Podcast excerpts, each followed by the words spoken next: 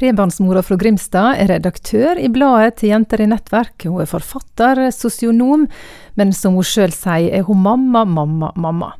Den fjerde boka til Heidi Gelein kommer ut i denne veka. Hun er ikke alltid skrevet, sier hun. Skriving fikk hun behov for når hun første gang ble mamma. Nei, ikke i det hele tatt. Jeg skrev som barn ganske mye. Likte sånn frie stiler. Og så når jeg begynte på videregående, da skjønte jeg fort at min fantasi ikke passa inn i det rammene de hadde. Så da gikk det veldig dårlig. Kjempedårlig i norsk.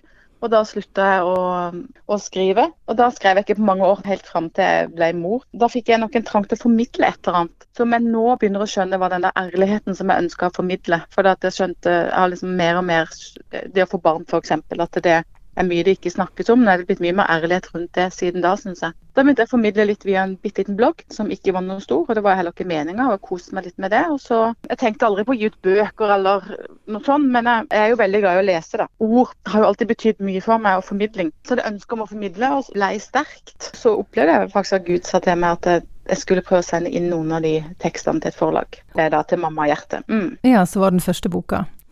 Og du sa det sjøl òg, ærlig. Altså ærlighet i kristenlivet, ærlige andakter. Altså, er mm. det andakter som ikke er ærlige, tenker du?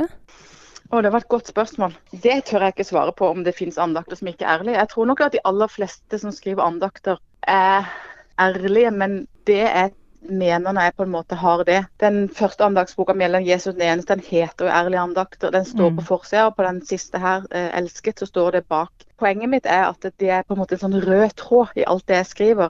En ærlighet. Eh, og jeg syns jo det er for lite ærlighet i samfunnet generelt. Mm. En sånn, og i, blant oss kristne òg, og det gjelder jo meg sjøl òg. Men jeg, akkurat som at det er noe Gud har lagt på hjertet mitt òg, helt fra jeg begynte å formidle, både når jeg skriver og når jeg er ute og taler, at dette med ærlighet er noe som han nok ønsker i større grad, tror jeg. De at det er sånn som sosiale medier og der vi er mye, mange av oss, der er det jo mye liv som blir vist. Men det blir jo ofte kanskje glansbilder. Så finnes det noen som viser mer, og det setter jeg utrolig pris på. Men jeg bare merker at når jeg møter mennesker som er ærlige og f.eks. sier at de jo altfor blir for sint på ungene sine, krangler med mannen sin, ikke får til det de ønsker, legger seg med dårlig samvittighet, syns det er vanskelig å tro noen ganger, eh, så går liksom mine skuldre ned, og så kan jeg på en måte så blir det akkurat som det skjer noe imellom oss. Og Der tror jeg at Gud kommer veldig sterkt til stede. For da kan han få trøste oss og på en måte hjelpe oss videre på veien. Fordi jeg, jeg, tror jo at mitt liv ikke er så ulikt mange andres, men noen ganger så føles det veldig ulikt. For noen ganger så føles jeg som om jeg er den eneste som mislykkes. F.eks. i de rollene jeg kanskje aller mest ønsker å lykkes som mor og kone. Fordi at det, er ikke bare en dans på roser, verken mammarollen eller ekteskapet. Det er to vanvittig fine gaver en har fått, men jeg trenger veldig til Gud i de relasjonene.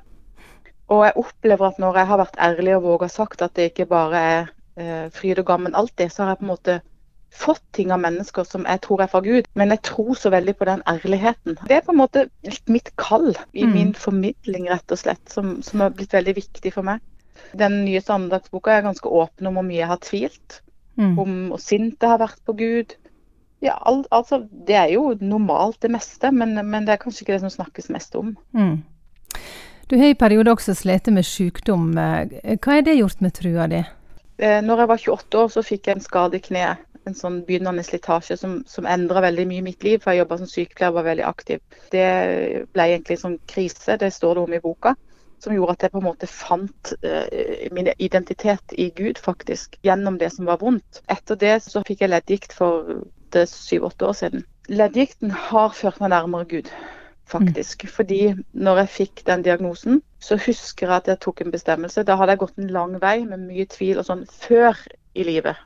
Men jeg var på en måte kommet til noen punkter der jeg, der jeg begynte å skjønne at jeg kan faktisk stole på Gud. Og så skjønte jeg mer og mer at livet er så skjørt på mange områder. Helsa er så skjørt. Det er så mye som er så skjørt at Gud på en måte seila opp faktisk til slutt i mitt liv òg som den eneste jeg kan stole på, sånn skikkelig. Faktisk så er det bare Gud som er den her siste skansen, hvis du skjønner. Og det begynte liksom å gå opp for meg. Og da husker jeg bestemte meg for to ting. Det ene var at nå må jeg søke enda mer til Gud, og nå må jeg begynne å trene enda mer målretta. Og det har på en måte båret meg. Nå har jeg fått gode medisiner og jobber mer enn jeg har gjort på flere år. Og på en måte ser jo på det som bønnesvar selv om jeg ikke er blitt helbreda. det blir jeg en gang. Om det er når jeg kommer hjem eller om det er her på jorda, det vet jeg ikke. Men det stresser meg lite, for jeg opplever at mine begrensninger er aldri Guds begrensninger. Mm. Aldri Gud som på en måte har skapt det der A4-livet som vi ser for oss, der vi er fri fra sykdom og fri fra lidelse. og Han har sagt han går med oss gjennom ting, ikke utenom. Og det, det opplever jeg i forhold til det med leddgikt. Og, og, når det er tunge dager og mye vondt og sånn òg, så er han der. Jeg er veldig takknemlig for at jeg får leve et så aktivt liv på tross av det. Denne nye andaktsboka heter 'Elsket når Jesu kjærlighet forandrer alt'. Og, og Ja. hva er det som er forandra? Er det det at du kjenner at det, ja, jeg kan stole helt på han, uansett gjennom alt? Ja, det er mye. Det er egentlig det er det nesten alt. For det, er det du sier der, at jeg skjønner at eh, i en sånn kjærlighet så ligger det at ja, men han kan jeg jo stole på. Og så leste jeg evangeliene, jeg har lest de før, men for to år siden så leste jeg de liksom begynte fra begynnelsen. Og da skjedde det noe nytt, for da kom Jesus så veldig frem for Mm. meg. Og jeg ble så utrolig fascinert av alt det han gjorde, og hvordan han møtte mennesker. og Det er jo helt utrolig. Det er så radikalt at jeg ble helt sånn der wow. For jeg tror noen ganger hvis en har vært kristen lenge, at det nesten er lett å bli sånn vant til historiene. Vi har hørt de så mange ganger. Men nå var det akkurat som det ble nytt for meg. Og da ble jeg helt sånn der slått i bakken. For en kjærlighet, for en mann. Og, liksom, og da kom det spørsmålet hva, hva var det med Jesus som gjorde at mennesker søkte han sånn? Mennesker forlot det de hadde, yrke og familie, liksom, og reiste med Jesus. Og jeg tenker, og, der, Hva var det med Jesus, og hva er det med Jesus? Fordi at han er jo den samme i dag. Og han ønsker jo faktisk å være den samme i dag for oss som han var når han gikk her nede på jorda. Og den kjærligheten, og det var liksom enda et steg inn i det å være elska. Og da opplevde jeg at det utfordrer meg òg veldig. Så det, det har forandra si, når, når det forandrer alt, det er en forandring jeg ønsker å leve i. Det er ikke sånn at nå er alt forandra. Mm. jeg liksom er ferdig utvikla som kristen. Det er liksom en, en, en livslang reise, da. Mm. Men en forandring som, som pågår der jeg i møte med Jesus utfordres òg til hva gjør jeg med dette, da? Hvis det er sant, hvis jeg tror på den Jesus som det står om der, og hvis jeg tror på den Jesus som, som jeg forteller om, som har gjort alt det han har gjort i mitt liv, hva gjør det med meg, og Mm. hva gjør jeg med det? Det er en sånn todeling her òg, i en sånn trygghet og at han er med gjennom alt, og, og, og litt det her Men hva gjør jeg nå, da? Hvis jeg tror på det, liksom, kan jeg bare gå rundt med det sjøl? Ei bønn for deg også, sier du, har vært å ikke være den samme etter at koronatida er over, at du skal ha lært noe.